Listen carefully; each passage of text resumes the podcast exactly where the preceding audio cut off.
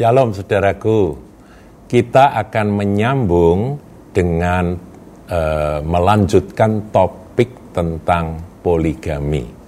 Di sesi yang pertama saya sudah sampaikan bahwa poligami memang dipraktekkan di dalam perjanjian lama, tapi akibatnya adalah pusing kepala, penderitaan, kesedihan, duka cita, sakit hati, bahkan anak-anak eh, yang kacau balau ya seperti keluarga Daud, kemudian juga eh, kejatuhan yang sangat dalam seperti yang dilakukan oleh Salomo ya karena dia beristri banyak. Jadi saudaraku ada bukti bahwa poligami di perjanjian lama meskipun belum dilarang di perjanjian lama, tetapi hasilnya atau akibatnya itu adalah negatif semuanya.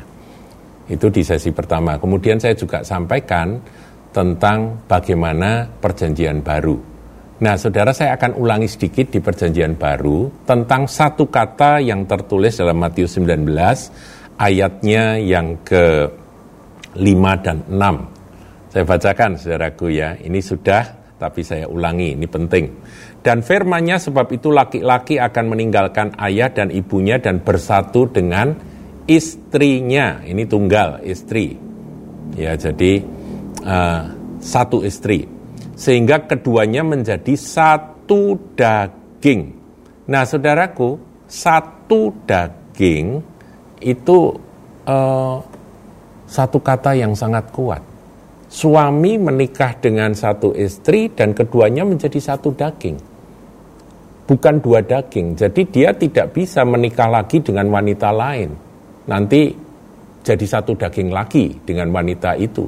Nah, padahal firman Tuhan katakan begitu pria dan wanita menyatu dalam sebuah perkawinan pernikahan, maka keduanya menjadi satu daging dan tidak bisa dipisahkan. Makanya dikatakan apa yang telah disatukan Allah tidak boleh diceraikan manusia, tidak boleh dipisahkan.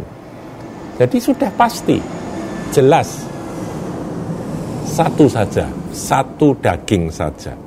Nah, ini yang saya ingin sampaikan bahwa perjanjian baru dengan jelas tidak mengenal akan praktek poligami, saudara. Saya juga ingin tambahkan di Maleaki, ini perjanjian lama saudaraku, tapi sebagai pelengkap saya akan tambahkan, dalam Maleaki pasal yang kedua, ayatnya yang ke-14 dikatakan, dan kamu bertanya, oleh karena apa?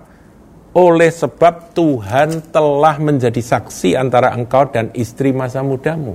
Jadi saudaraku ketika pria dan wanita menikah dan diberkati ya di, di, diteguhkan dan diberkati di gereja begitu maka Tuhan itu jadi saksi. Bukan hanya Pak Pendeta bukan hanya orang tua yang menjadi saksi bukan hanya teman-teman yang menjadi saksi tapi Tuhan sendiri menjadi saksi antara engkau dan istri masa mudamu yang biasanya menikah kan masih muda saudaraku ya.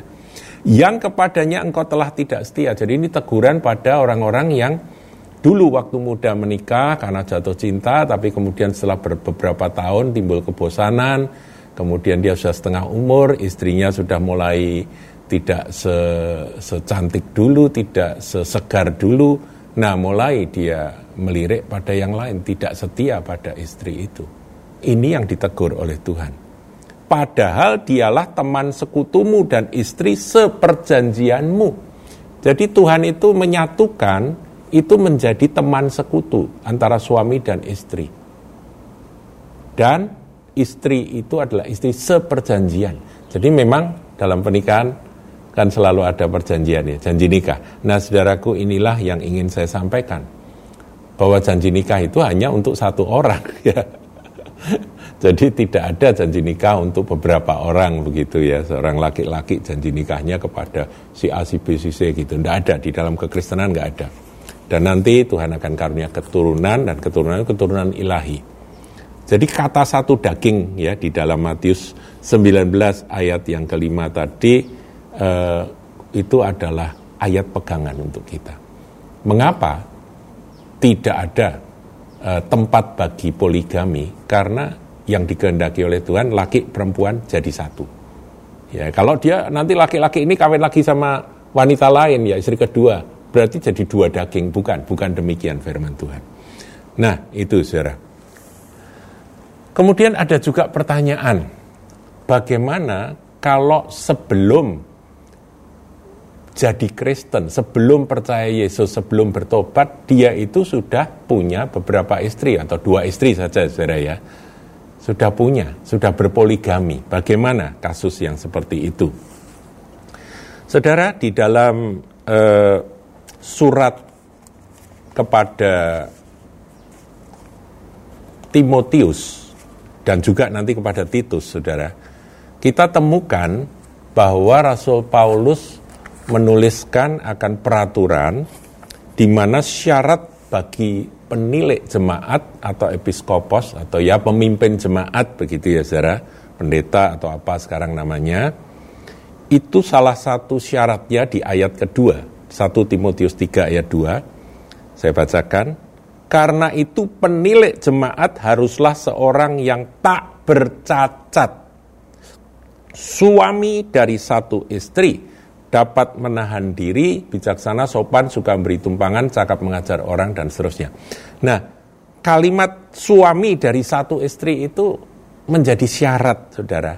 Jadi orang kalau mau jadi penilik jemaat atau menjadi pemimpin jemaat, dia bukan hanya uh, cakap mengajar orang, bukan hanya dia sopan, bukan hanya dia bijak dan suka beri tumpangan, tapi dia harus suami dari satu istri. Itu syarat. Nah, dari satu syarat ini ada satu logika, saudara, yang kita tangkap bahwa pada zaman itu di dalam jemaat-jemaat Tuhan ada kasus di mana orang-orang sungguh-sungguh di dalam Tuhan, dia jadi anggota jemaat, tetapi dia punya istri lebih dari satu karena memang kebiasaan pada masa itu di di luar kekristenan itu suatu hal yang wajar seorang laki-laki punya istri lebih dari satu. Nah, bagaimana kalau kasus ini terjadi, saudaraku? Yang pertama, ya jelas di sini dikatakan orang tersebut tidak bisa menjadi penilik jemaat, nggak bisa jadi pemimpin jemaat. Eh, saya juga sambung saudaraku di ayat 12 ini diaken kalau itu syarat penilik jemaat atau episkopos ini syarat bagi diaken ayat 12 diaken haruslah suami dari satu istri dan mengurus anak-anaknya dan keluarganya dengan baik. Jadi satu istri suami dari satu istri mereka yang punya istri lebih dari satu tidak bisa menjadi diaken jadi Saudara sekalian, ini adalah syarat-syarat yang dituliskan oleh Rasul Paulus kepada Timotius. Tapi dalam syarat ini, dalam tulisan ini, kita menangkap satu kondisi yang tidak dijelaskan secara secara terang-terangan bahwa di dalam jemaat ada orang-orang yang punya istri lebih dari satu. Nah, sekarang pertanyaannya bagaimana kalau orang itu punya istri lebih dari satu, kemudian dia datang pada Tuhan dan dia bertobat dan dia sungguh-sungguh di dalam Tuhan. Jawabnya, saudaraku, memang ada beberapa teori, tetapi saya berpendapat dan gereja kahal berpendapat back to the first wife. Tadi ada kata istri masa mudamu, ya itu kembali ke sana. Sudah pernah tidak setia, nah sekarang setelah kenal Yesus, kenal Tuhan, kenal kasih karunia dalam Tuhan, mau hidup kudus, tidak di dalam e, hawa nafsu, aku mau hidup benar, maka dia harus kembali pada istri yang pertama. Caranya bagaimana? Ya minta maaf. Mah, aku bertobat dan aku kembali kepadamu saja. Dan mulai saat ini tidak ada yang lain. Nah terus bagaimana penyelesaian dengan istri kedua? Bagaimana kalau sudah ada anak-anak? Belum lagi kalau ada istri ketiga dan sebagainya, saudaraku. Nah penyelesaiannya demikian. Dia harus minta maaf juga kepada istri kedua. dan berkata bahwa aku sekarang ikut Kristus, aku ikut Tuhan, dan aku tidak mungkin bisa hidup bersama dengan kamu lagi. Aku akan kembali kepada istriku yang sebenarnya. Karena istri seperjanjianku, kawan sekutuku adalah istriku yang pertama. Nah kemudian istri kedua dia lepaskan. Kalau bisa diberi pengertian, puji Tuhan, bahkan ada kasus saudaraku ya, ada ada beberapa kesaksian, istri keduanya juga ikut bertobat dan dia bisa uh, lepas, tetapi secara finansial dia harus bertanggung jawab. Khususnya kalau istri tidak punya pekerjaan sendiri. Anak-anak dan sebagainya dia juga harus topang. Ngerti ya saudaraku ya? Jadi menjadi Kristen itu bukan menjadi orang yang mau menang sendiri. Wah aku bertobat, sekarang aku lepaskan, kemudian tidak tanggung jawab. Bukan begitu. Harus bertanggung jawab. Harus saudaraku. Tapi bagaimana dengan uh, uh, tubuhnya? Ya, saya ingin sampaikan ya, tubuh dari seorang suami itu adalah milik dari istrinya, bukan miliknya sendiri. Kalau dulu sebelum kenal Kristus, seorang laki-laki merasa kalau di rumah aku milik istriku, tapi di luar aku milikku sendiri dan dia bisa main dengan banyak perempuan, bahkan dia bisa memperistri akan wanita-wanita lain itu di luar Kristus. Asal punya duit, asal punya kedudukan, asal punya tampang, dia bisa berbuat seperti itu. Itu namanya hidup dalam hawa nafsu. Hidup di dalam dosa. Nah sekarang kita lihat apa firman Tuhan mengenai tubuh seorang laki-laki, seorang suami. 1 Korintus 7 ayatnya yang ke dua dan seterusnya. Tetapi mengingat bahaya percabulan, baiklah setiap laki-laki mempunyai istrinya sendiri, ya bukan istri-istrinya, tapi istri satu sendiri, dan setiap perempuan mempunyai suaminya sendiri. Demikian poliandri juga nggak ada, saudaraku ya. Jadi satu daging itu tadi. Ayat 3, hendaklah suami memenuhi kewajibannya terhadap istrinya, demikian pula istri terhadap suaminya. Ini kewajiban biologis, saudara.